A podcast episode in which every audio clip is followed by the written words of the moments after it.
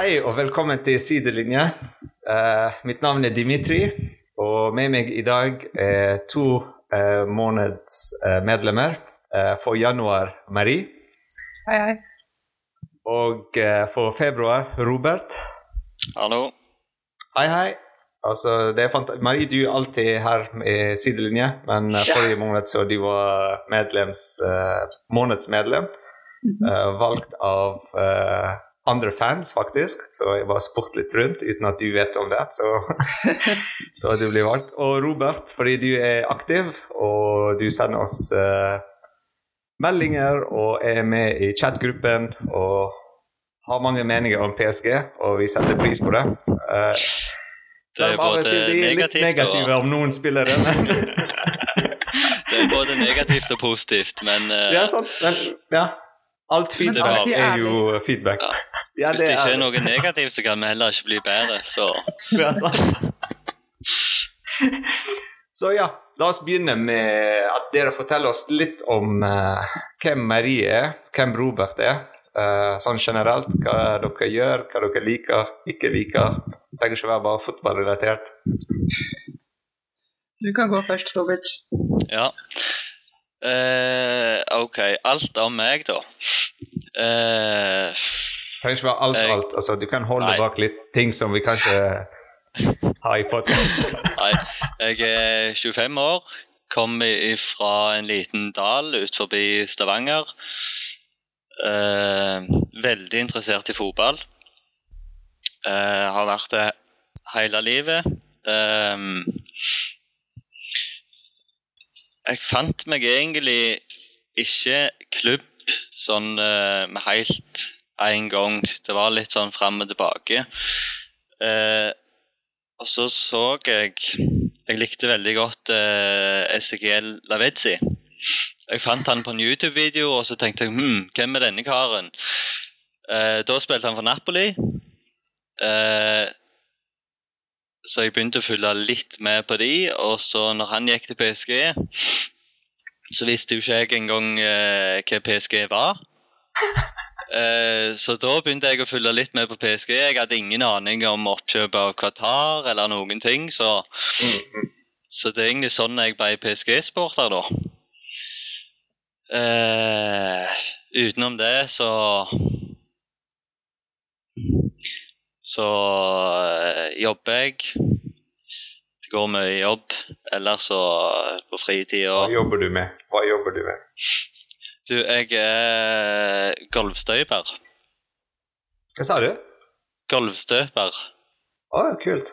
Så jeg støper gulv, og har òg eh, fagbrevet som tømrer. Mm. Altså Oliver fra månedsmedlem, faktisk, eh, i desember òg er det. Så ja. kanskje dere kan starte et firma sammen og kalle det for PSG et eller annet. Som uh, en tømreren, da. Ja. Jeg, vet, jeg, vet, ikke hva altså, gikk, Vi gikk ikke i den eh, Det er en helt annen podkast. Ja. Nei, men, men uh, ja. Jeg har spilt litt fotballaktivt sjøl. Mm. Uh, Femtedivisjon her i Rogaland. Det er ikke så veldig mye å skryte av, men, uh, men jeg har lagt skoene på hylla nå, da. Venstre ving, samme som Lavetzi? Nei, midtstopper. Midtstopper. ja. Marie, litt om deg. Selv om vi vet mye ja. om deg, siden jeg har vært i alle de podkastene, så ja. Uh, ja, kort. Uh, jeg bor i Paris. Eh, jeg studerer, eller studerte juss før, og nå jobber jeg i Paris. Eh, jeg ble en virkelig PSG-fan da jeg flyttet hit, for jeg tenkte at man kan ikke bo i Paris og ikke være PSG-fan. Det, det, var liksom logisk, og jeg, jeg syns PSG har et veldig bra fanbase, et veldig bra lag, og ja det Just made sense, liksom. Så det er kort om meg. Nice. Så ja, det gikk gjennom første spørsmål og andre spørsmål, faktisk, eh, når dere ble PSG-supportere, og hvorfor. Altså Favorittspiller gjennom tiden, det er veldig interessant. Marie? Min chouchou, min favoritt, er, vil alltid være Kim Pembe. Jeg syns han har uh, riktig mentalitet, Og han illustrerer veldig godt hva jeg kunne tenkt meg å se mer i klubben. Liksom, våre unge spillere som blir gitt ansvar, uh, som gir alt, som har et bra forhold med Ultra. Så for meg så er det Kim men så klart så har man alltid en liten, en liten finger på, på MBP. Kan vi si Lavezzi, nummer 22 fra Argentina, Robert, for deg? Gjennom tiden? Jeg vil eh, ikke gå så langt som å si det, nei. Uh, jeg vil nok heller Jeg er litt enig eh, med Marie der, med Kim Pembe, men jeg ville gått for Verratti. Jo. Ekstra uh, poeng der. ja, egentlig på grunn av han er så Han er bare en selvsagt start i PSG. Uh, og du merker veldig fort når han spiller og når han ikke spiller. Han er en veldig spesiell spiller, faktisk. Veldig spesiell midtbanespiller. De finner ikke samme type spillere lenger. Altså, han... Nei, du har kanskje en i Barella der, Anne, men uh, han uh, har vært i PSG lenge. Mm. Og uh, har erfaring og begynner å dra litt på åra nå, men det er en spiller som jeg trenger. Jeg tror dere svarte på neste spørsmål òg. Favorittspiller denne sesongen? Eller er det noen nye? Uh, jeg må si Danilo. Jeg visste Denne det. Sesongen. Jeg faktisk visste hva du sier. Marie? Samme. Nei, det, det, er veldig bra å si, eller jeg er veldig enig med Danilo, men jeg tror i litt samme løp som det er som Kim PMB, så syns jeg at vi blir gi en stor shout-out til Zaire Emery, fordi han, mm. han viser mye av det jeg vil se videre i klubben. At vi gir den tilliten til yngre spillere. Så ingen discredit til Danilo, men for å kanskje variere litt og ikke lage en Danilo-podkast, så sier jeg Zaire Emry. Nice, nice, nice. Og så uh, har du vært på Park de Prance, Robert? Nei, aldri. Det er den store drømmen, da. Vi må fikse den. ja, vi må det. vi må fikse en tur. Altså ja, det er noe å oppleve. Ja, Marie, du har vært mange ganger. ja, jeg har vært et par ganger, og det, det er virkelig verdt det. det ja. Favorittkamp der? Eller opplevelse? Jeg syns gruppeturen var helt fantastisk. Å se sammen med folk du kjenner. Uh, virkelig, virkelig morsomt å være i tribunetøy. Så dette er sånn mm. promotion også. Hvis du vil være med på en gruppetur, så kommer det flere. Så mm vær så snill, meld dere på. Det er veldig morsomt. og totally ja. worth it. Ja, det var, det var supergøy nå i august. Uh, alt var, var perfekt. Uh, spesielt når vi blir intervjuet ned på baren. Den, altså, ja. den, altså, jeg, jeg har drømt siden jeg var kanskje 14 år at jeg skal stå på Party Prance og rope i CC og så få sånn 44 000 fans roper tilbake 'Paris'. Og så drømte han Jeg vet ikke hvor mange ganger. Altså Nå, nå at jeg snakker om det, jeg får sånn gåsehud, faktisk. Nå, jeg òg gjør det. det. det. er sykt. Jeg, jeg, skal faktisk vise deg videoen etterpå når vi er ferdig med podkasten. Altså, det, det, var fantastisk. Det var en opplevelse. Og så Marie der og sånn roper 'Heia PSG' på norsk, sant? på Park de Presse. Det er så fantastisk det var en opplevelse. Og det var en bra gjeng, faktisk. Og det er noe som jeg må si at uh, vi er veldig heldige i fanklubben. Kanskje vi ikke er sånn store som uh, uh, Manchester United eller Liverpool fanklubb i Norge, men vi har kvalitet. Vi har gode folk, gøye folk å være med, og veldig interessante folk. Og gøy, altså veldig engasjerte folk folk som har lyst til å være med på ting. Uh, folk som alltid spør kan vi hjelpe, kan vi gjøre ting. Uh, det er veldig kult. Alle sier ja til ting. Og vi har alle alder. Sant? Alt fra 13 til 60 et eller annet. 70 kanskje. Så det er veldig kult. Um, ja, tilbake til podkasten. Så uh, vi har en liten uh, quiz vi kjører, Robert. Uh, sikkert du har hørt kanskje den før, sidelinje. Marie vet om den, men jeg vet ikke om hun husker ja, alle spørsmålene. Du, jeg har ikke hørt den før, Nei, så det blir men, spennende. Det blir enda gøyere. så vi, skal, vi, vi, skal, kjøre den samtidig, faktisk. Det kan være enda kulere. Uh, så ja, jeg tror det blir best. Jeg bare ta tiden her. sånn. Jeg har en rekord å slå, Robert. I trust you. Ja, så rekorden er Oliver har rekorden med 48 sekunder, komma 48. Altså, vi tar sånn Formel 1-tid her. Komma 48, sant? Altså. OK. Klar?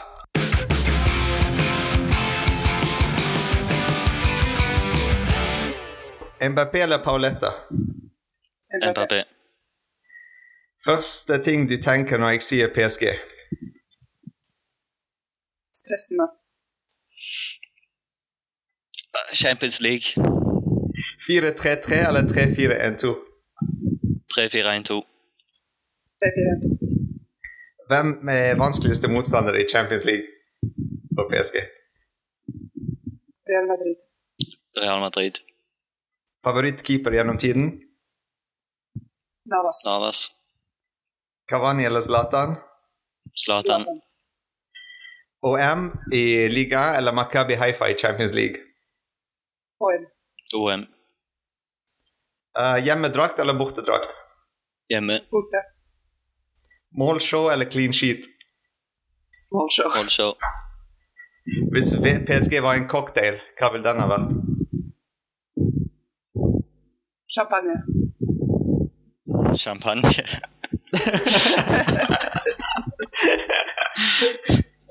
Det var ett minutt, to uh, for uh, Marie.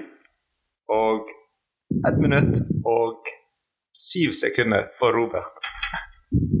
Så vi har en rekord fortsatt av Oliver. Ja. Gratulerer, Eh, Oliver. Jepp. Så det var noen interessante spør altså, svar faktisk der. Uh, Mbappé eller Pauletta, så begge var MBP. Ja.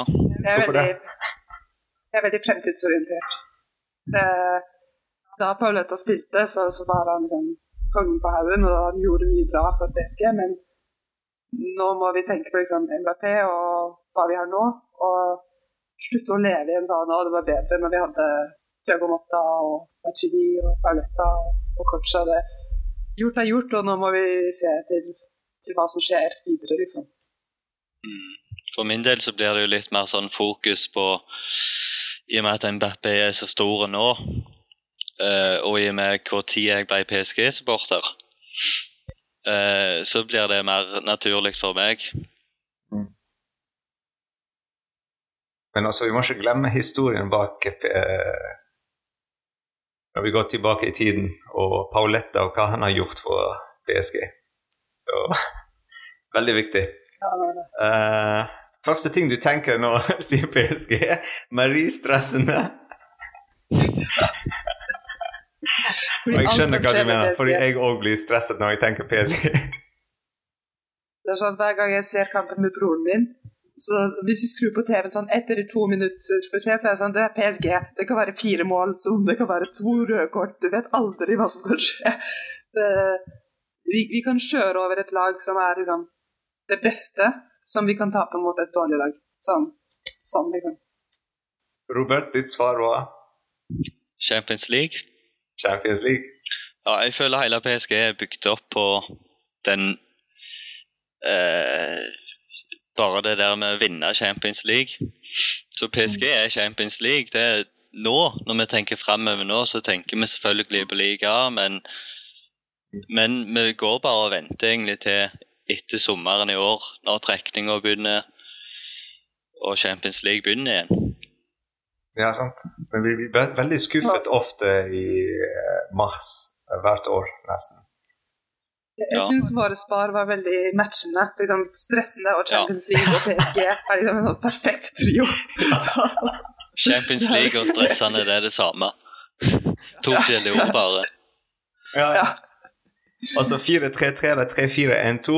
Uh, vi startet sesongen med 3-4-1-2, og så vi gikk tilbake til den nå. Uh, etter, men etter noen skader bak i uh, Forsvaret, så vi måtte til 4-3-3. Eh, og dere begge valgte samme. eh, 3-4-1-2. Er det noe Jeg syns, jeg syns det funker bra. Det er, det er en oppstilling hvor alle må ta liksom, ansvar. Det, hvis, ikke hvis ikke alle jobber defensivt, så og ikke alle jobber offensivt, så, så funker det ikke. Og det er en veldig sånn total football-greie. Liksom, alle gjør litt av alt. og jeg syns det er finere å se på, selv om det ikke alltid funker. Men mye mer, men mye mer balansert, hele laget. Mye mer balansert. Når vi forsvarer oss, og kanskje når vi angriper, så Kanskje det negative med det er at vi stoler litt på de tre der framme. Mm. Men så har vi jo to wingbacker i Mendes og Hakimi da, som er veldig offensive. Mm. Men kanskje, var det, kanskje vi kan gå i, snakke litt Champions League òg, siden forrige svar var Champions League, og nå vi snakker om formasjon. Eh, mot Bayerns siste kamp. Vi spilte en 3-4-1-2 på en måte. Mm. Eh, var det riktig valg, spesielt når eh, Markinius ble skadet? Var det riktig valg å fortsette med den? Uh, altså, vi fikk inn Mukiele, og han òg ble skadet i pause. Altså, vi har fortsatt valgt å beholde Ikke vi, men Galtier har fortsatt valgt å beholde sant, den formasjonen i stedet for uh, å få inn Bichiabu, som er en veldig ung uh, spiller, i en veldig vanskelig posisjon i en veldig vanskelig kamp i Champions League, og viktig kamp. Uh, I stedet for å endre formasjon og få inn kanskje Ekitike, som er spiss, og spesielt at vi trengte to mål i 45 minutter. Var det fortsatt riktig valg? Om det er riktig valg eller ikke, men jeg føler ikke at du kan se så veldig stor forskjell når Marquinhos skårer inn og, og uh, og Michele blir bytta inn. Mm. Jeg tenkte shit, nå blir det stressende her, men jeg følte det gikk ganske greit. Iallfall ut første omgang. Første omgang var vi jo med. Når andre omgang begynner og Bichabu kommer inn, så tenker jeg fuck, altså. Nå blir han kjørt fra komaen, sant? Ja. Eh, men jeg føler ikke det er så krise. Det er mer det at hele laget, hele kollektivet slutter å fungere. Mm. Men ikke bare det, men altså, du har Bichiabu på venstre siden med Nuno Mendes, som òg er en veldig ung spiller der. Så det er nesten null erfaring på venstre side. Null Champions League-erfaring. Og så ser du Korman som er on fire Sant. hele kampen der. Nuno Mendes sliter litt. Men uh... Marie, har du noe uh, positivt der? etter en litt uh...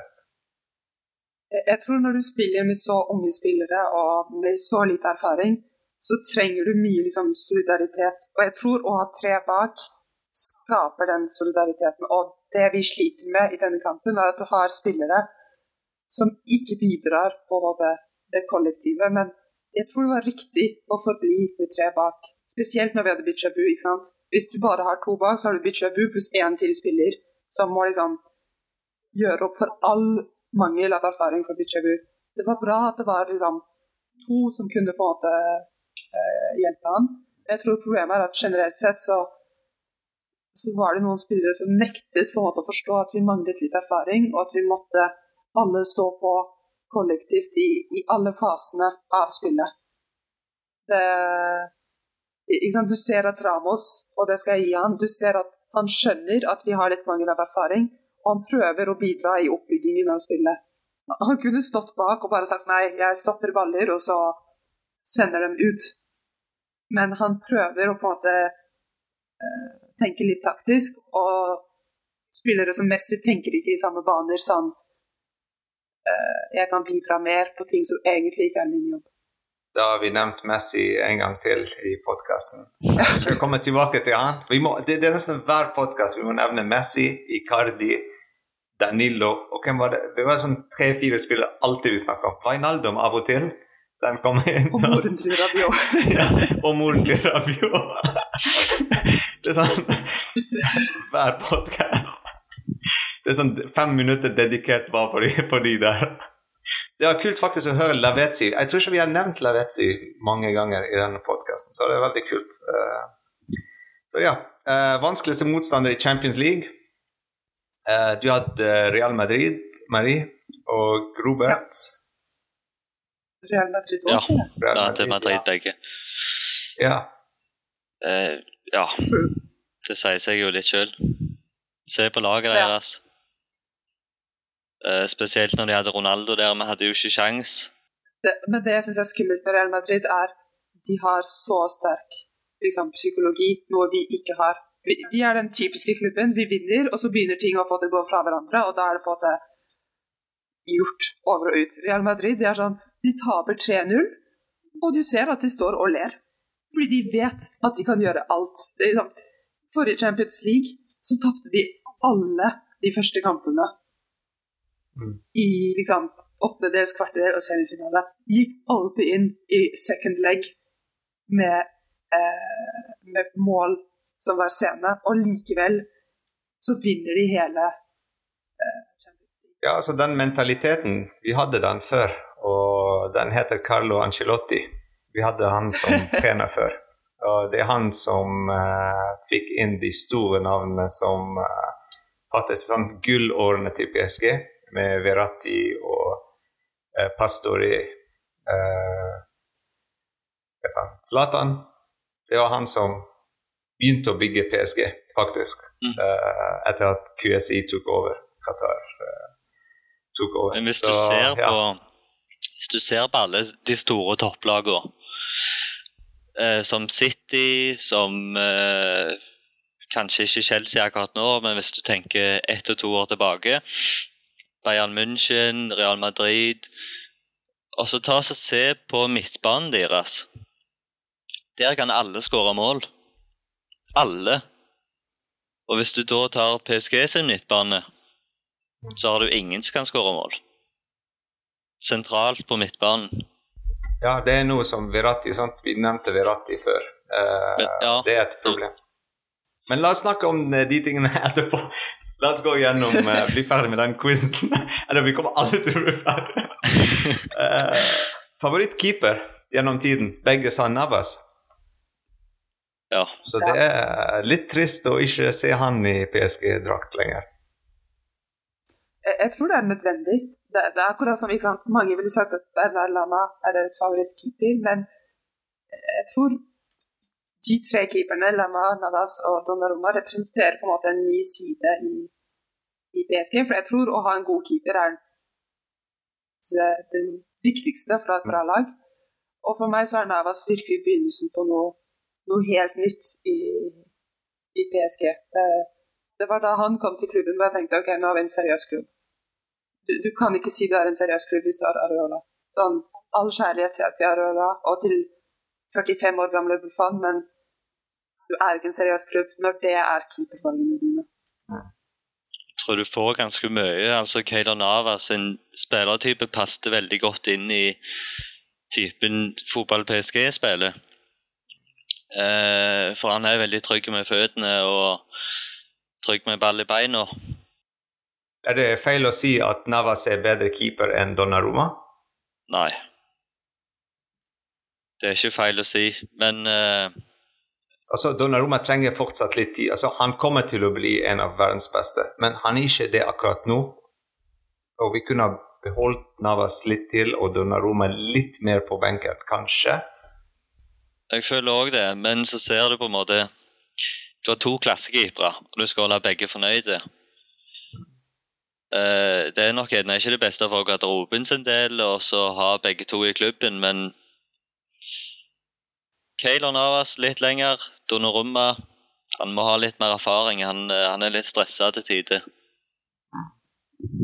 Og jeg føler at jeg kjenner PSG-fan ganske bra. Og hvis vi ikke hadde fått Donnarumma inn da vi fikk han inn om fem år, når Navas hadde vært sliten og eldre, så hadde alle sagt husk vi kunne fått Donnaroma gratis, og nå sitter vi med gamle Navas som sant, er blitt dårligere fordi life happens. Og jeg, jeg tror vi hadde guts da vi tok Donnaroma inn. Vi sa denne gangen så satser vi på fremtiden. Ikke noe sånn å ja, Navas har vunnet tre Champions League, vi må beholde han uansett hva. Enig. Uh, med begge, faktisk. Men det er to forskjellige. det var en feil å, å, bringe inn Donnarumma for det. Vi måtte jo ha Ja, sant. Ja. ja. Men han trenger litt tid. Han trenger fortsatt litt tid. Vi må ikke glemme at han er veldig ung, faktisk. Han er veldig ung i en veldig viktig posisjon, altså viktig posisjon for et lag, eh, keeper. Du kan ikke gjøre én feil som keeper. Altså, det er én ting hvis Messi f.eks. dribler og mister ballen, da er det greit. Du har fortsatt la oss si, kanskje si ti spillere bak, fordi Neymar og Messi, Neymar og Mbappé ikke sånn beste forsvarsspillere, men la oss si du har syv spillere bak deg og rydde opp. Men som keeper så er det en feil, ett mål sant, mot deg. Uh, eller, ja. Ikke hvis du er sommer og heldig og har en uh, forsvarsspiller som redder på, på, streken, men ja. Marie? Men jeg syns det er viktig å huske at alle feil gjør at vi taper. Mm. Vitinha som ikke får den ballen inn i målet, gjør at vi taper. Ikke bare Donnaroma. Det, ja. det er viktig å huske disse tingene. Ja, Hvis vi hadde skåret fire mål, så hadde vi vunnet. Du, du vinner ved å skåre og ikke concede. Ideelt så gjør du begge, men alle er ansvarlige da vi ikke vinner. Words of wisdom. Hvis vi har skåret fire mål, vi ville ha vunnet. det, er sånn, det er noe som Gandhi ville ha sagt. Og så Kavani eller Zlatan. Begge Zlatan. Jeg har snakket mye om Zlatan på denne podkasten, så jeg lar deg ta denne rollen hvis du vil. Ja, eh, jeg føler på en måte Men Er det personligheten hans, eller er det, er det spillere? Litt begge deler, kanskje. Mest eh, spilleren. Men når Zlatan kom inn, så var han på en måte den første store signeringen PSG gjorde etter Qatar kom inn, og da eh, Jeg føler han fikk litt sånn fart på sakene. Han kan skåre ut av ingenting. Han òg eh, det psykologiske i garderoben. Eh, ja. Men altså, ting har endret seg veldig mye i ligaen uh, siden Zlatan var der. Det er det òg uh, jeg føler. Ting har blitt litt vanskeligere i ligaen. Før ja. så dominerte PSG veldig mye når vi hadde Zlatan og uh, Lavetzi, sant? Uh, Pastore Vi var sånn beste lag, ikke bare i, i, i, Frankrike, men i mange andre land òg. Vi, vi, var en, ja, kanskje et av de beste lagene. Uh, i Europa. Så det var lett for oss å dominere der. Og Marseille var ikke sånn så veldig store. Det var Monaco som ble kjøpt av noen russere. Og de fikk inn Falcao, og det var sånn største sånn kjøp de har gjort i veldig lenge. Så fortsatt, kvaliteten var ikke sånn superbra mot oss. Så de klarte å dominere og vinne sånn 5-0 og 6-0 og store sånn. Eh, men det er ikke det samme nå ting har endret seg. Jeg føler laget har blitt være fokus på forsvar. Mm. Og balansen i laget. Altså hvor mange lag er det ikke som spiller med Ja, unge spillere. Mm. Hvor mange lag er det ikke som spiller med fem bak i liga 1? Men også generelt så tror jeg folk har kommet over sjokket som var PSG. At nå tenker de sånn ja, det verste som kan skje, er at de taper 5-0, som vi alltid gjorde før. Men når du ser lag i ligaen nå, så går de til Berkeley Plans for å vinne. Ja. Det, det, var liksom eh, Hvis du går fem år tilbake, så tror jeg et lag som Rans gikk til Parc sånn Å ja, kanskje det ikke blir tosifret, sånn hvis vi er heldige. Det er liksom Prøv å liksom, holde det til ensifret. Men nå ser du, de, de vil vinne, og de spiller for å vinne.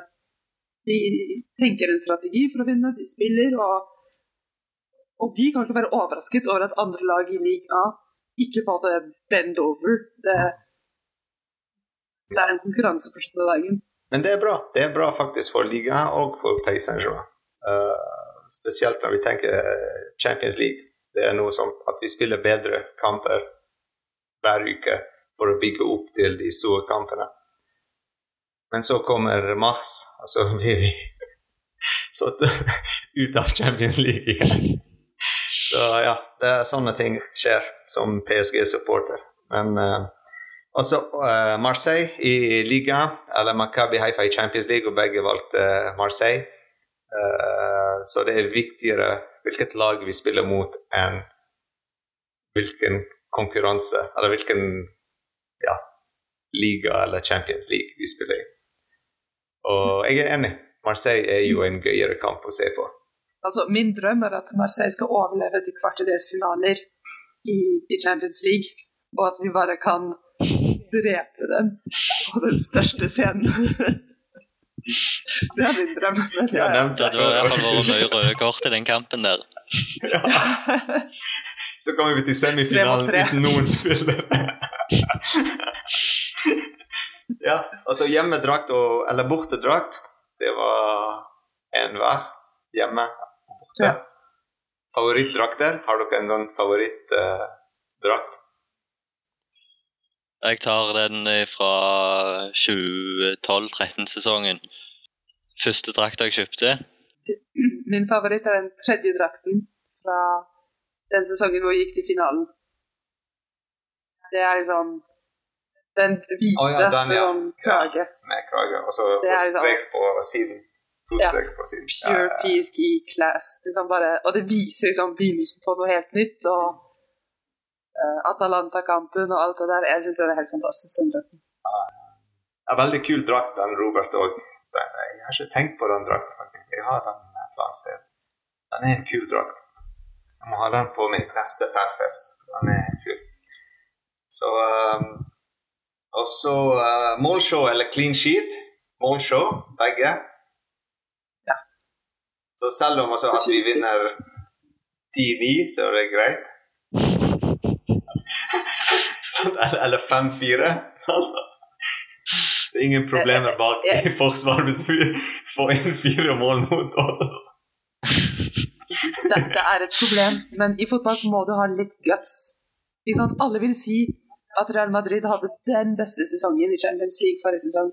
Tell hvor mange mål som gikk inn mot dem. Og ikke alle sånn hvor du tenker de forsvarte bra, men du må ha litt guts Det klart. og bare kjøre på. Hvis du skal velge mellom clean sheet og målshow, så vil du jo heller se en kamp med mye mål. Men, eh, men du vil jo ha begge deler. Sant? Du vil jo ha clean sheet og målshow. Når det kommer til det, så er jeg veldig eh, italiensk eh, Jeg har en italiensk mentalitet. Eh, gammeldags 90-talls italiensk trenermentalitet. Hvor det er viktigere å bare få poengene enn antall mål. Og eh, Ja, sant? da, da sparker vi Så- Galtier som seg ned med Mourinho. Ja, sant? Men altså, du så f.eks. hvordan Milan klarte det. eh, komme til kvartfinalen. Eh, 1-0, og så de klarte 0-0. Altså, det er bare italiensk lag som klarer å gjøre det i Champions League. Å gå inn i kamp med 1-0-ledelse fra forrige kamp, og så spille for 0-0 og få, den, så få resultatet der. Eh, så det er litt av den òg. Det er ikke sånn beste fotball, men hvis du klarer å løfte Champions League-trofeet, så Men jeg tror du også må være realistisk på hva PSG er. Ja, og jeg tror det er mye Ja. enklere å fortelle til Forsvaret at de må forsvare fremover, enn å prøve å få Mbappé og Messi til å tenke defensivt. Fordi hvis du kjører sånn clean, clean sheet-fotball, så må alle forsvare. Ellers så er det bare et stress uten sidestykke. Hvis du sier til Messi du, du skal ikke angripe, så gjør han ingenting. Det er det han gjør. Han står. Så jeg tror det er enklere å si at vi har offensiv fotball, og ja, Kim Pepe, du må bare løpe mer. Fordi for en eller annen grunn så klarer vi å tvinge han, og ikke Messi. Ja, hvis PSG var en cocktail, begge var champagne Ja, fordi det er uh, dyrt, veldig bra kvalitet, og gir Boblete. hodet. Robert, du også har champagne. Ja, du, jeg fikk litt jernteppe der, Du kan, endre, jeg, du kan endre svaret nå. Det går helt fint. Hvis det. jeg kom ikke på noen ting, så jeg bare sa det samme der. Ja. ja, champagne altså den, ja, Det er litt mange sider. Sant? PSG er den Hollywood-fotballag. Uh, champagne og alt det sånn Hva vil du si? Jeg vet ikke hva ordet er. Men eh, sånn kle, eh, Class? Ja, Eh, veldig fint, liksom. ja, men det, class er vanskelig ord å finne. Classy. Ikke pent, men ja, litt sånn, ja. Litt for, ja, litt for Hollywood. Det er beste måte å si det. Men eh, ja, Ja. sånn er det. Eh, men la oss gå tilbake litt, eh, se på hva PSG har gjort i januar. Vi startet året eh, 1. januar, faktisk, eh, med tap mot Lens 3-1. Også det var første runde i eh, Coupe de France, hvor vi vant mot Chateauroux 3-1. Og så altså, nei, liga. 2-0 mot Angers, og så et tap igjen mot uh, Rennes. 1-0 borte. Så reiste laget til eh, Riyadh i Saudi-Arabia for å spille mot eh, Ronaldo og Riyadhs beste fotballspillere. Jeg vet ikke hva laget heter, men uh, Globetrotters, eller Riyadh Trotters. Uh, så ja, vi vant 5-4. Det var en gøy kamp å se på, faktisk. Uh, men litt unødvendig for PSG. Men gøy. Uh, så spilte jeg mot uh, et lag fra veldig lav divisjon. Uh, jeg tror det var sjette divisjon eller noe sånt. Altså, vi vant 7-0, Pays de Cassel. Og så tilbake til Parc des Princes, 1-1 mot Stade de.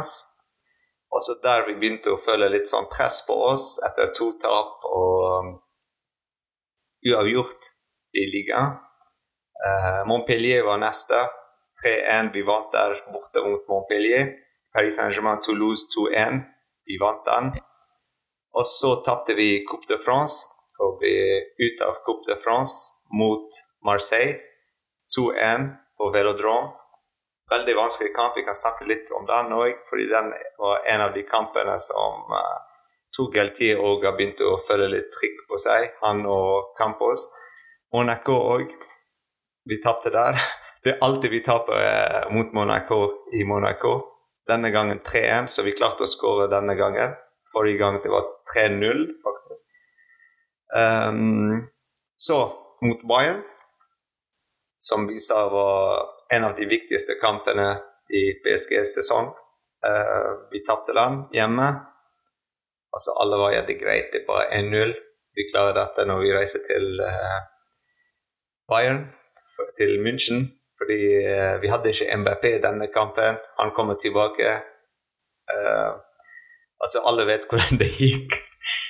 Uh, PSG mot Lille, vi vant den 4-3. Snakk om goalshow eller clean sheet. og så Marseille mot Paris Saint-Germain, der det var en clean sheet og målshow. Vi vant den 3-0 borte, så veldig bra kamp. Paris Saint-Germain mot Nantes 4-2 der òg det var litt sånn stresskamp. Um, 2-0 til 2-2, og så 4-2. Uh, og så til siste kamp vi spilte uh, nå på onsdag. Det var Bayern Munich mot uh, Paris Saint-Germain. Så tapte vi den kampen 2-0, uh, selv om MBP var tilbake fra skade. Så for en sesong, eller for et år, 2023 opp og ned Altså, når du sa, når jeg sa det, det spørsmålet hva du tenker når du sier PSG, og du sa stress Altså, sant? Der er forklaring på hvorfor det er stressende å være en PSG-supporter. Eh, og ikke minst sant, andre ting når du leser i avisene, hvordan eh, media eh, beskriver PSG. Altså, hvis vi bare betaler noen sånn fem kroner ekstra. Uh, så det er sånn de skriver at ja, Qatar penger og alt dette, og de ser ikke hva Chelsea gjør eller uh, Madrid gjør. sånt Manchester United gjør. Det blir så feil. Det Blir så, jeg blir så forbanna når jeg leser på TV2 Sporten og og PSG står som kjøpeklubb og alt det der. For hvis du ser på de siste fra 2010 og til nå, så er PSG på Jeg vet jeg så det for en liten stund siden, fjerde- eller femteplass på hvem som har brukt mest penger i overgangsmarkedet. Helt riktig. Mange av spillerne vi får inn, er la oss si, gratis. Uh, så Jeg vet Maria har mye å si om det. Jeg tror på til PSG er at vi har misforstått hva gratis betyr. Mm. Hvis du ser Messi sin lønn, så er ikke Messi gratis. Det, det, det, er veldig viktig at vi husker de tingene. Mm. Og vi fikk Messi gratis, nei. Vi fikk Messi for veldig mye penger og ikke så mange mål. Det, uh, vi, vi, vi, vi, snakker som om vi liksom bare uh, får superbra uh, gratis spillere, men to ting som sjokkerer meg, er hvis han var gratis og flink, så hadde Manchester United betalt. Så hvis han kom hit gratis, så er det fordi det er sånn Maybe not worth it. Og de får lønner. Vi har så høye lønner i PSG av spillere som er verdt null. Når du tenker hvor mye penger som har gått inn i Kursava. Vi kunne kjøpt Chelsea fem ganger over for Kursava. Det, det, er, det er, helt sjokkerende. Uh, og ikke minst talentet som vi mister. Sant? Unge spillere som bare ja. de klarer ikke å holde. Uh, og vi kunne ha lett betalt de lønn eh, i stedet for å få inn f.eks. Vainaldum en sesong, som òg var gratis. Uh, vi kunne ha lett beholdt uh, sant? Nkunku, f.eks. Oh, du må ikke begynne å snakke om det engang. ikke gå der. Nei, ikke gå der. Du har så mye spillere òg. Akademiet ja, til PSG er jo veldig bra. Ja. Og så har du spillere som Diaby, Nkunku, ja. Kalimuendo nå nettopp. Ja. Hadde de trengt TKTK? Mike Maingnan. Ja, vi hadde, vi hadde veldig bra spill. Ja. ja. du har liksom Mange, mange unge som du, så du kunne beholdt. Hadde. Altså, Vi skal ikke glemme at uh, eh, f.eks. Draxler kommer tilbake neste sesong. Uh, så han òg skal få lønn av oss. Altså, Jeg tror PSG betaler nå enten 60 eller 80% av lønnen hans, og det er ikke Benfica som betaler alt. Så det er nesten ingen vits at vi sender han borte. Sant? Han kunne vært der, en ekstra spiller. Ja. Jeg føler mange sier ikke sant, at PSG er sånn typisk ah, Med en gang vi selger en spiller, så vinner han Champions League, Europa League og alt. Men F.eks. når du ser de spillerne vi har sendt ut denne sesongen. Ingen klubber vil ha dem. Juventus vil ikke ha Paredes. Benfica vil ikke ha Draxler. Det, ingen vil beholde dem.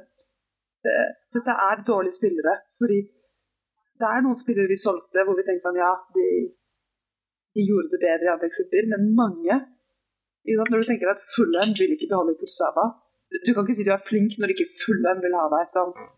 Nei. Det men vi kunne ha hatt en Paredes nå mot uh, Bayern, ikke det?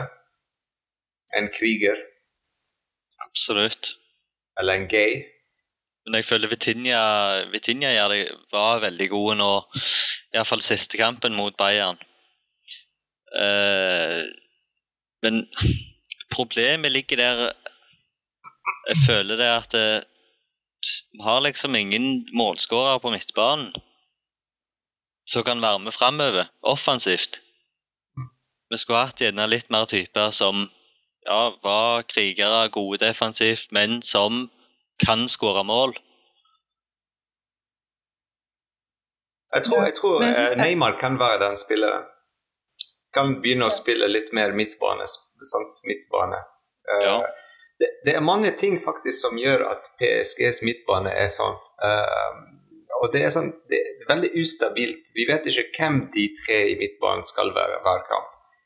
Uh, Danilo Pereira av og til er der, av og til så er han bak pga. skader eller bare fordi Galtier stoler ikke på Bichiabola si, eller Ramos er skadet. Men det er sånn at eh, i begynnelsen av sesongen, når vi spilte med to i midtbane, Verratti og Vitinha, alt gikk bra. Eh, alt var fantastisk. Men vi kjøpte to spillere. Vi kjøpte Soler, og vi kjøpte Nei, tre, faktisk. Renato Sanchez, og vi glemmer han alltid. Fordi han er òg ute og skadet hele tiden. Eh, det er et eller annet med spillere som får en drakt nummer 18. De er alltid skadet når de kommer inn. Uh, samme som Vainaldum forrige sesong. Uh, og Icardi når han hadde 18-drakten, og Cavani hadde den 9. Men ja, gå tilbake til fotball. Det er et eller annet med å bytte hele tiden. Altså, de har ikke sånn spillere som blir vant til hverandre gjennom hele sesongen og blir mer sånn stole på hverandre og forstå hverandre. Altså, det er alltid Du må introdusere en ny spiller inn i miksen. Altså, du får inn f.eks. Ruiz. Ok, Han er en fantastisk spiller og alt, men du ødelegger litt av dynamikken som du har allerede bygget første fem, seks, syv kamper. Eh, når Soler kom inn sant? Eh, du har fortsatt Verratti og Vitina, men du har en annen spiller nå som de må òg jobbe med, samarbeide med og forstå hvem han er.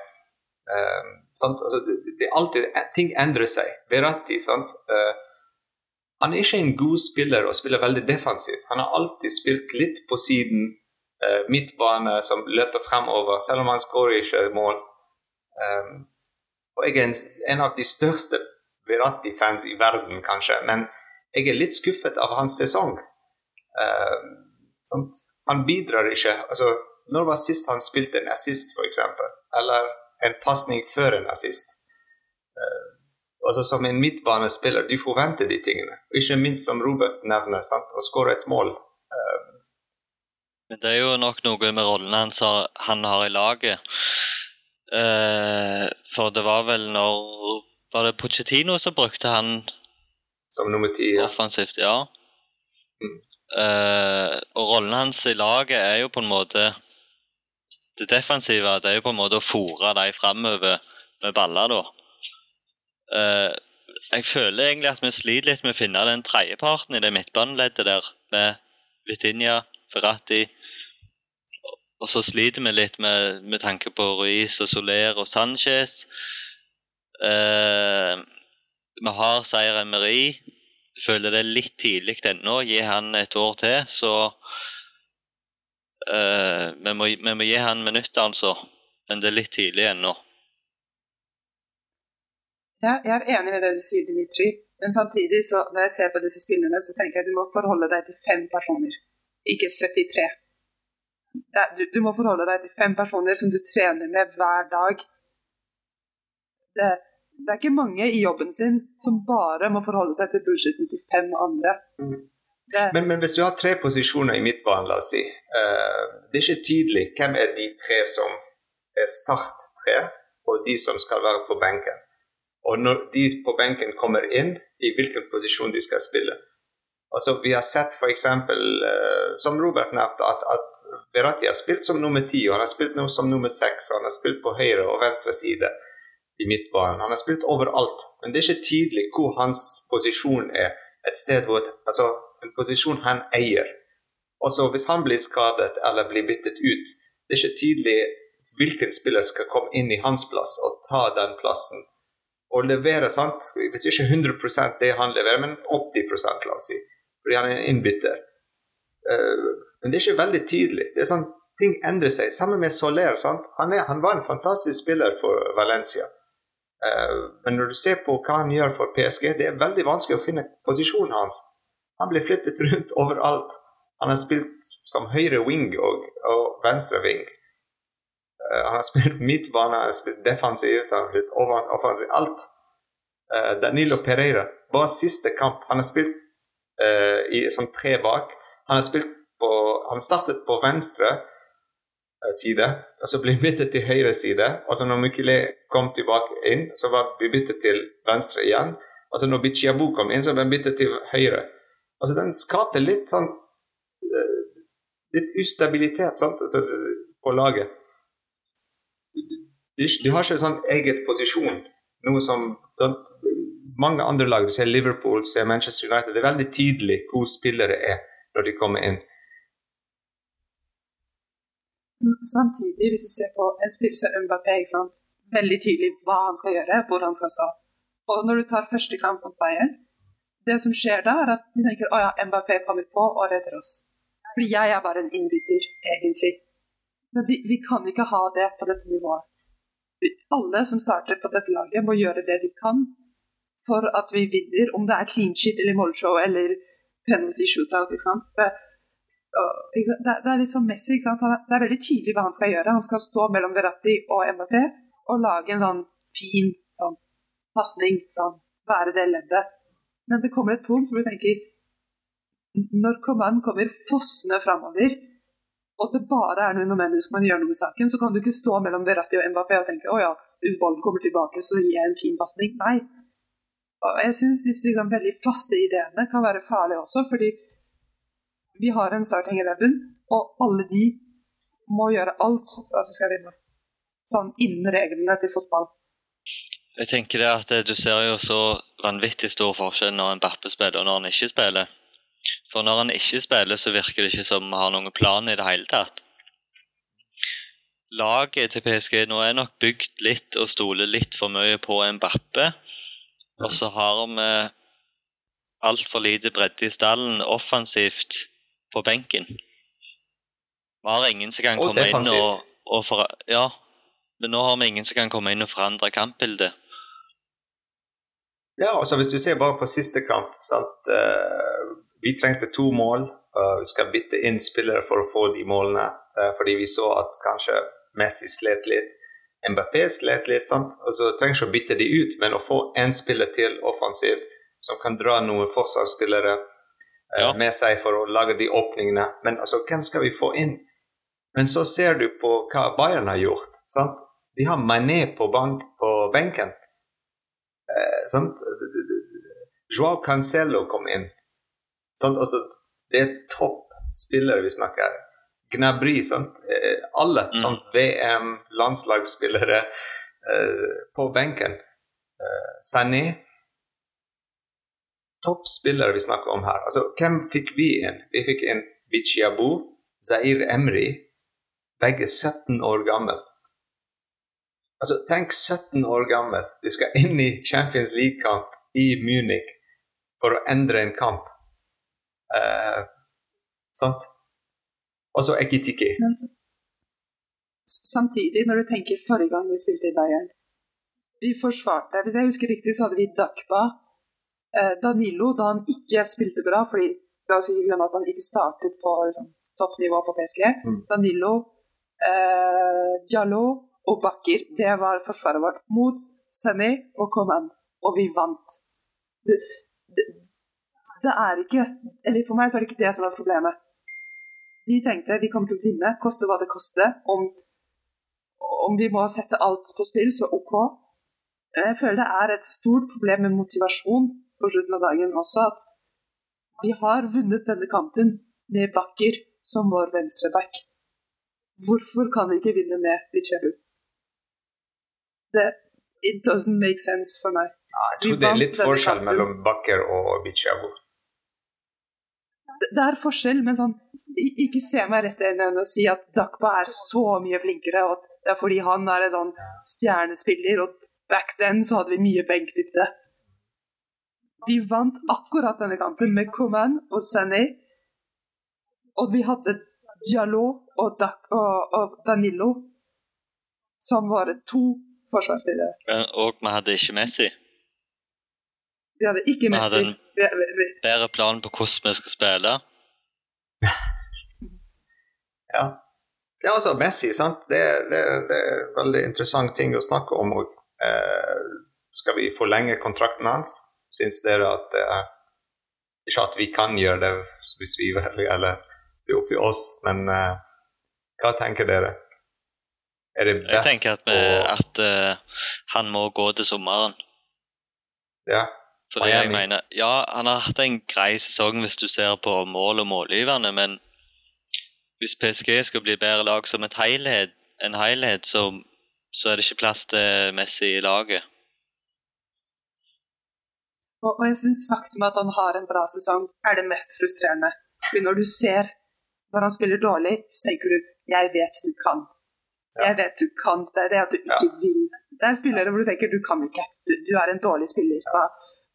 Hvis du setter meg inn på den banen med PSG, så katastrofe, fordi jeg, jeg kan ikke spille fotball. Men du, du kan på en måte ikke være sur, fordi noen spillere har bare ikke det nivået. De er kanskje litt for gamle eller for dårlige. whatever, Men Messi kan da han var liksom i full VM-modus, så spilte han bra. Da han var i VM, så spilte han bra.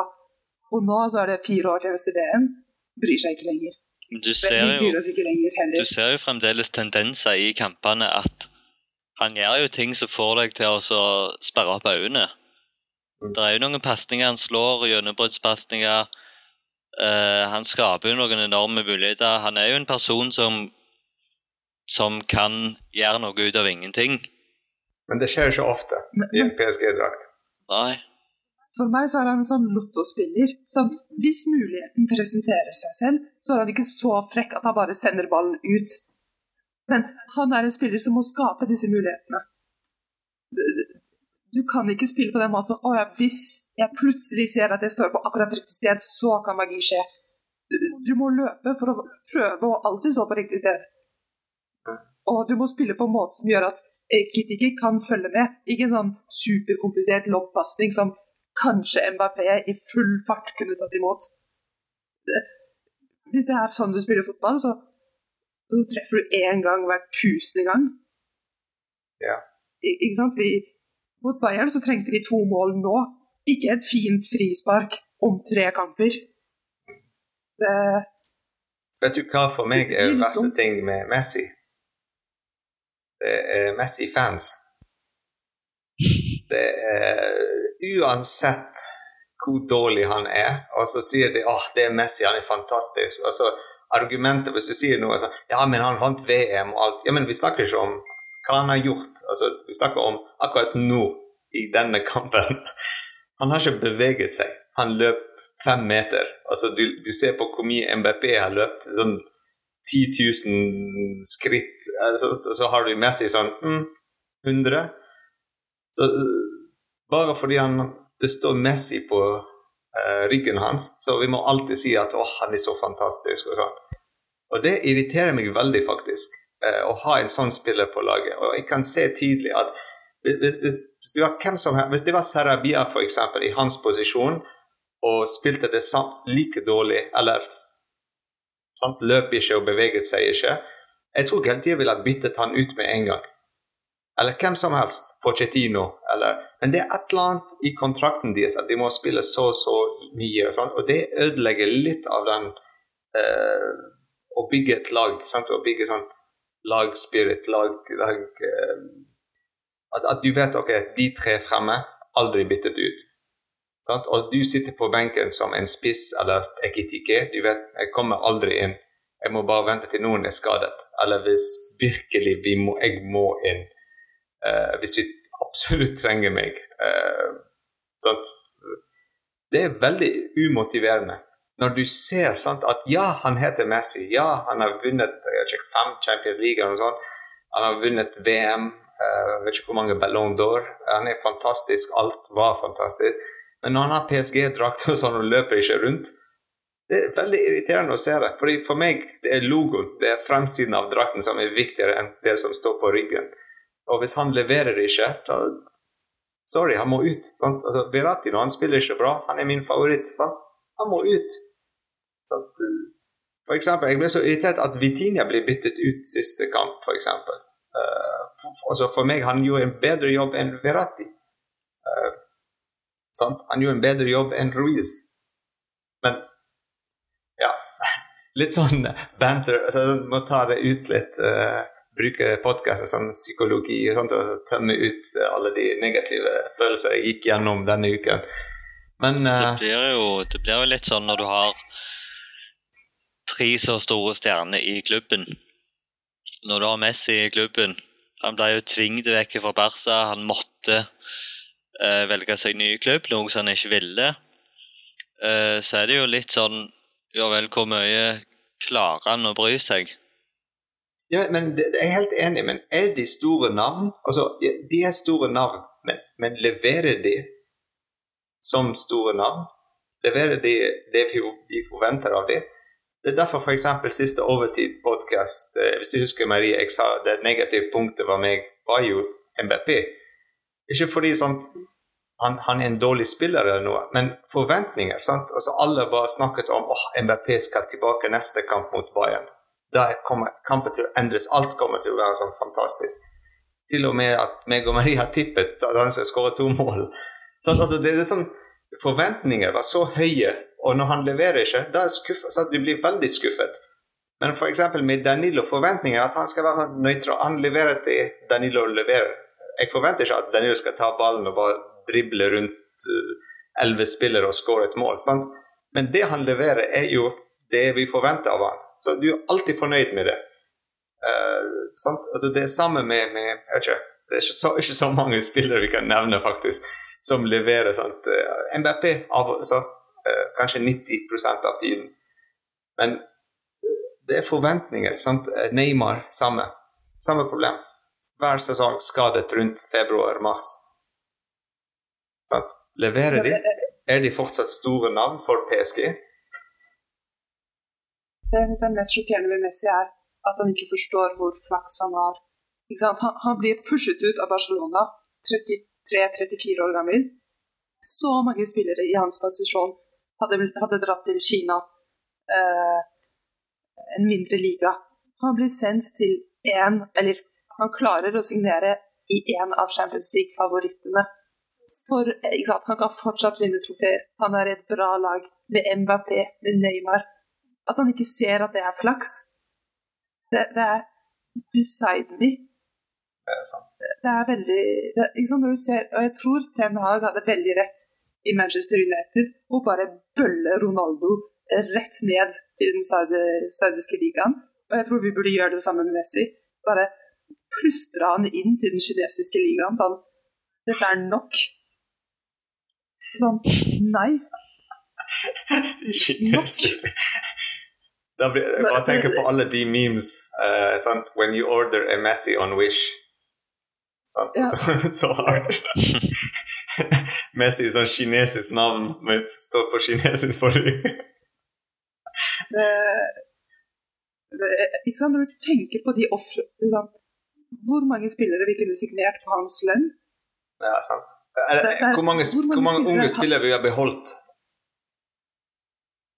Så vi Ja, kunne hatt en benk med hadde, ja. Du tenker så mange spillere hadde solgt en nyre for å være med på det laget, bare for å sitte på benken. Mm. Og han er der. Ja, det er vanskelig for familien min å flytte til Paris, den fineste byen i verden. Hva? Det Det er faktisk det er en fakta, faktisk. Det er verdens beste by. Det er spillere som dreper for å flytte til Sunderland og bo i regn og spille i tredjedivisjon i England, og du klager på det her? Du er nesten pensjonist. Nei, nei. Når når du ser lønnen, byen, rollen han har i laget Ja. Vanskelig. Det er vanskelig å jobbe på en oljerigg. Det er ikke vanskelig å leve livet til Messi. Eh, Nei. Nei. Ikke gå til sykehus med syke barn, og så komme hjem og si ja, så vanskelig livet er. Noen burde slå han daglig for å bare sette han tilbake på sånn real life. Sånn daily slap. Sånn. Podkasten tok en helt annen dimensjon nå. vi snakker om psykologi av folk og Ja, men uh, ja, så vi er slått av uh, vi, vi er ikke i Coupe de France lenger. Vi er ikke i Champions League, men vi har Ligue 1. Forhåpentligvis vi kommer til å vinne den. Um, men hvorfor er vi i den situasjonen hvert år? Altså Hvis vi tenker sånn veldig så, Ikke bare spillere og sånn, men altså hvorfor, kommer, hvorfor ender vi i den situasjonen? Vi ser alltid samme um, sesonger år etter år. Vi begynner så, så, så bra med Trofé de Champion. Ja, nå, det var en gang vi tapte den. Men vi pleier å vinne den eh, og slå den 4-0 mot eh, Nantes i Trofé de Champion. Starte sesongen fantastisk. Alle tre MBP, Messi, Neymar gjør en fantastisk jobb. Hvorfor ender vi i den situasjonen hvert år? Hver mars? Godt spørsmål. Mm. Men altså, hvor ser dere problemet ligger? Jeg tror vi er et utholdent lag. Da, da lillebroren min begynte på skolen, første skoledag, så kommer han hjem og så sier han, å det var bra å ha gått på skolen, men det er bra at det er over. Og for meg så er det liksom mange PSG-spillere. Og det var bra å vinne mye, bra at det er over. Og så sier du sånn, jo, men vi er i oktober. Det har så vidt begynt. Det, det, det kommer til å bli mye mer intenst. Og du ser at spillerne blir lei, og jo mer de blir lei, jo mer går oddsen opp. Så det blir en større og større gap mellom hva de er villige til å gi, og hva vi egentlig trenger. Det går jo på mentalitet. Det er jo mentaliteten det ligger Du kan si ja, Markinius har en bra mentalitet, Ramos, men, men du ser liksom når øh, Når vi slipper inn mål, så blir vi stressa. Vi klarer ikke liksom ikke nullstille oss. her. Ja. Vi blir bare stressa, vi gjør feil. ja. Uh, jeg aner ikke hva som gjør det, men det er jo noe i må slå av hele maskinen på Ja. en måte. Ja. Ja. Ja. Jeg er helt enig. Helt enig. Men altså, jeg, jeg, tror ikke det er bare uh, spillere. Uh, jeg tror det kommer over fra uh, litt med hva slags spillere vi får inn, og hvor gammel de er. Sant? Altså Ramos, ok, greit, men vi må ikke glemme første sesongen til Ramos. Han spilte kanskje tre minutter, og han fikk full lønn. Altså, det, det, det, er litt der òg. Jeg kommer aldri til å glemme hva vi har snakket om i alle de podkastene før sant, om Ramos. Uh, det samme med Messi nå. Sant? Han gir ikke 100 uh, eh, Vi vet det, fordi vi har sett at han klarer å levere fortsatt. Um, Neymar, samme. Uh, det er bare MBP, som du nevnte, Robert, sant? som bærer laget nå. og Vi så det forrige sesong. Hvis, hvis ikke for MBP, ville ha tapt ligaen òg under Pochettino.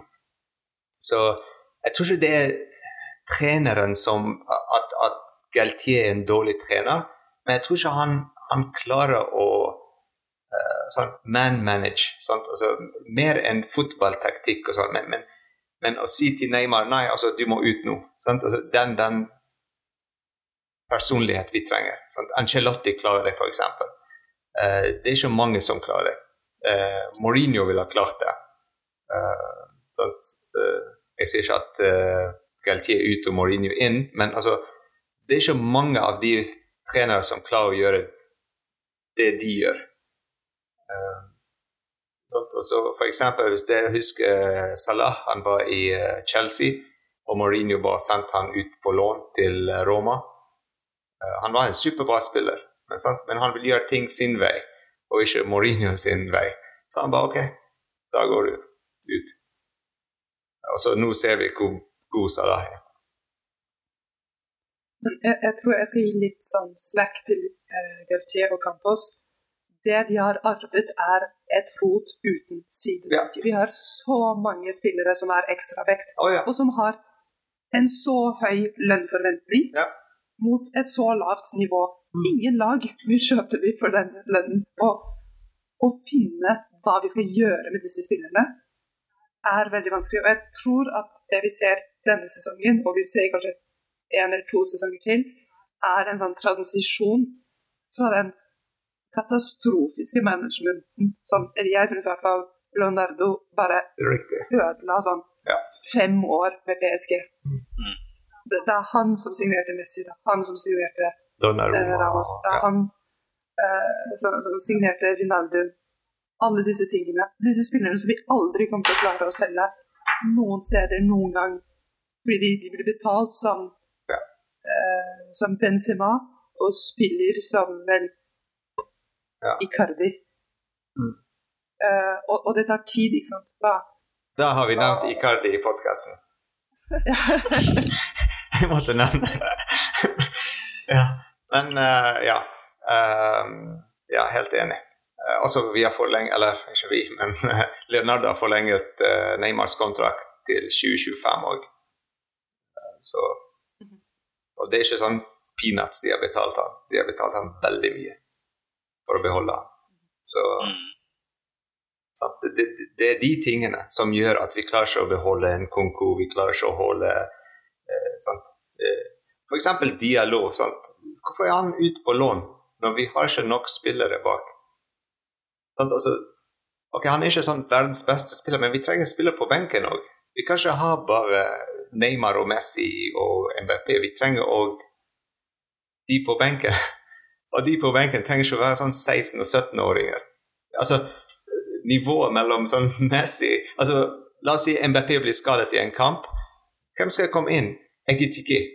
Altså, kvaliteten dropper så mye når vi bytter inn en spiller, at det er sjokkerende faktisk at vi som fans Og jeg har snakket med mange andre fanklubber, og snakket med de i London, snakket med de eh, i eh, Lisboa og sånt, altså, Alle sender meg melding, og vi snakker sammen. og så, Det er samme problem. altså, De i Italia sant?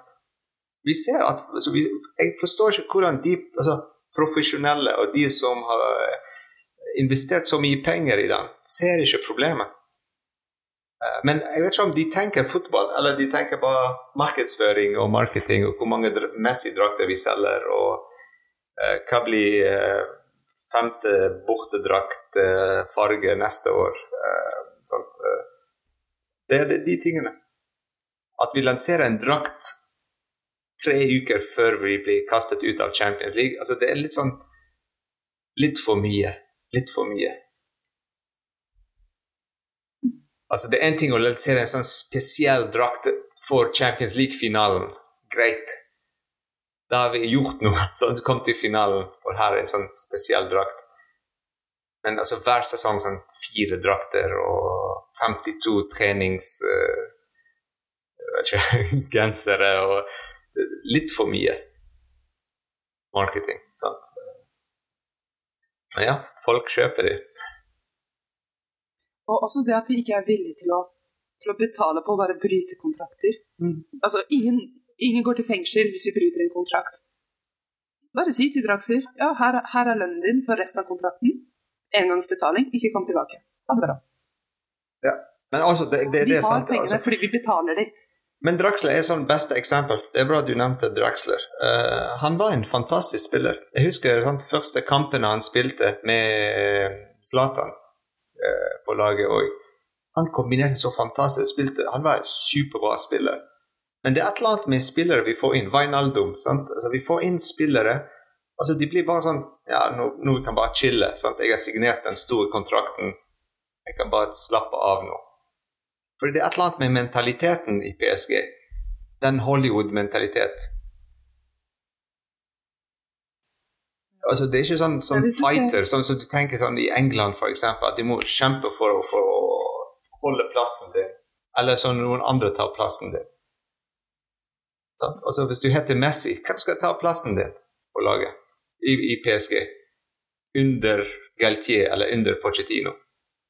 Altså Sånn, altså, hvem Sarabia? Altså, når vi hadde han, uh, Nuka, Ekitike eller Soler Det er jo et eksempel på at det er altfor lite bredde i stallen nå ja. enn hva det har vært tidligere. Mm. Mm. Men ja. Men jeg syns det kommer et punkt hvor, hvor jeg må si jeg vil heller tape med Ekitike enn vinne med Messi. Bare sånn nei.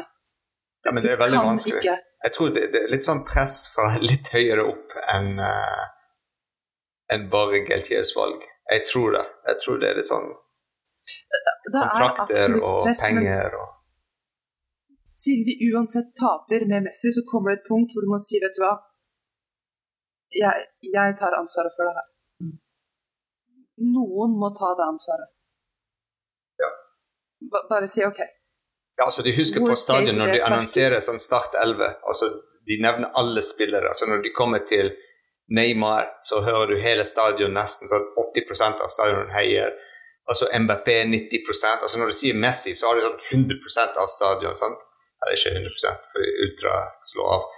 Men eh, sant, altså eh, det, det, er et eller annet med det, den, den mentaliteten at å ja, Messi, Messi, fortsatt Messi. Eh, men han leverer ikke.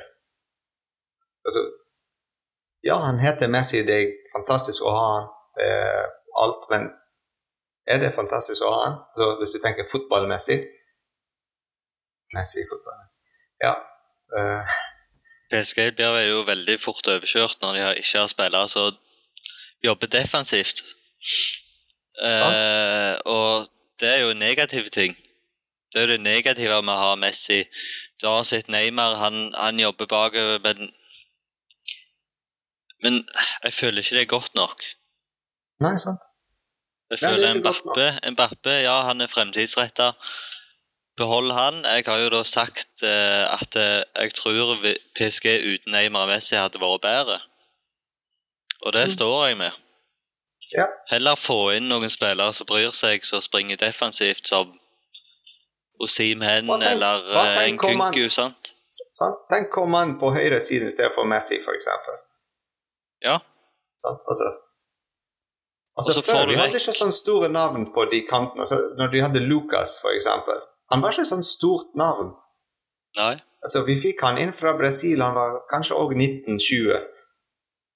Uh, uh, Lavetzi, sant? han er en fantastisk spiller, men han er ikke sånn topp topp spiller som alle trenere tenker på når de tenker å, beste spiller i den posisjonen. Mm. Men, men, han passet inn Han passet inn i den mentalitet som trengs uh, under Laurent Blanc. Sånn han, han, passet inn i den formasjonen, uh, hva han kan tilby, ikke tilby. Er det noen dekker bak han? Ja, det var Matuidi, f.eks., i den tid. Så, altså, det var litt av den. Men akkurat noe sånn ja, random. Sånn, altså, litt her, litt der. Eh, nå mot Bayern vi endte opp med MBP var på høyresiden, f.eks. Jeg vet om dere så det. Han, han spilte på høyrekanten. Han har aldri gjort det. Hvorfor nå plutselig han skal gjøre det? Altså Så det er litt kaotisk. Det er litt av den uh, Men ja. Uh, La oss gå ut av den uh, negative boblen som vi endte opp i. og så i kveld òg, det blir en kamp. Det blir, jeg håper, en, kamp, en bra, altså, bra resultat av PSG. Fordi vi trenger å få flere punkt for å gå over Marseille, som vi leder med åtte poeng foran dem i andre posisjon. Um, vi spiller mot Stad Brestois i dag klokken ni. Uh, og det er snart søndag 11. Eller nei, lørdag 11. mars. Jeg, jeg, vet ikke hvorfor jeg føler det er søndag, fordi PSG alltid spiller på søndag. Men uh, ja. Uh, det blir en bra kamp, håper Hva er forventningene i dag, Marie? Vi har aldri gjort en pre-show-podkast. Eh, at vi holder et seriøst nivå. At det ikke er en sånn definitivt ikke et tap, men ikke heller en sånn seier hvor det er sånn siste minutt så klarer vi et eller annet. Vi har mange skader. Nivå. Men alle, alle, på det laget unner oss å være bedre enn Stade Presto. Mm. Punktum. OK, du klarte ikke å slå Bayern. Stade er innen rekkevidde til alle på det laget. Robert, forventninger? Vi, vi, uh, vi har ikke Kim Pembe og Neymar de ut uh, resten av sesongen. Markinios mm. og ut ti dager. Og Mukile med en hamstringskade, så det kan ta litt tid. Og, og Hakimi tilbake neste uke. Jeg, jeg føler uansett at er en kamp vi skal vinne. Uh, når du ser på, på forskjellen på de to lagene på papiret, så er det en kamp vi skal vinne. Mm. Ikke akkurat overkjøre de, men uh, men, uh, men, ja. Det, det, kan bli tøft. Mm. Ja, det blir Det kan. Ja. Men jeg tror det kan òg være noe Tapet mot Bayern kan være en motivasjon for å komme ja. inn og bare bevise at vi kan Nå full fokus på én ting, og det er liga og vinne den med stil. Så jeg håper da blir det mentaliteten de skal komme inn i den kampen. Men uh, tusen takk, Marie og Robert, for å være med på podkasten. Ja, det var kjempegøy. Altså, det er bare å joine WhatsApp-gruppen og, uh, og bli med der. Uh, sende oss noen bilder og chatte sammen. Det er kjempegøy. Veldig interessante medlemmer der inne. Uh, gøye temaer som kommer opp. Og vi skal ha en liten konkurranse i dag, faktisk, i den eh, WhatsApp-gruppen. Uh, bare for de som er i WhatsApp-gruppen. Så litt sånn Tror det blir en liten giveaway der. Så det blir gøy. Og fanfest før kampen. Uh, det er mye å gjøre med PSG her. Jeg tror vi jobber mer enn Messi, faktisk. Uh, så det, det, blir fanfest på engelsk uh, før kampen, halvtime før klokken halv ni og i pausen. Tusen takk, Robert. Og takk for at jeg fikk være med. Ici c'est Paris. Accélération de Ronaldinho, Jérôme Leroy, Ronaldinho qui va essayer de passer, il a éliminé Kwasi, Ronaldinho toujours à l'entrée de la surface, Ronaldinho oh, encore. Oh c'est beau. Quel but exceptionnel réussi là par le Brésilien champion du monde du Paris Saint-Germain, Ronaldinho 1-0 pour le PSG, ce n'est pas du talent collectif là,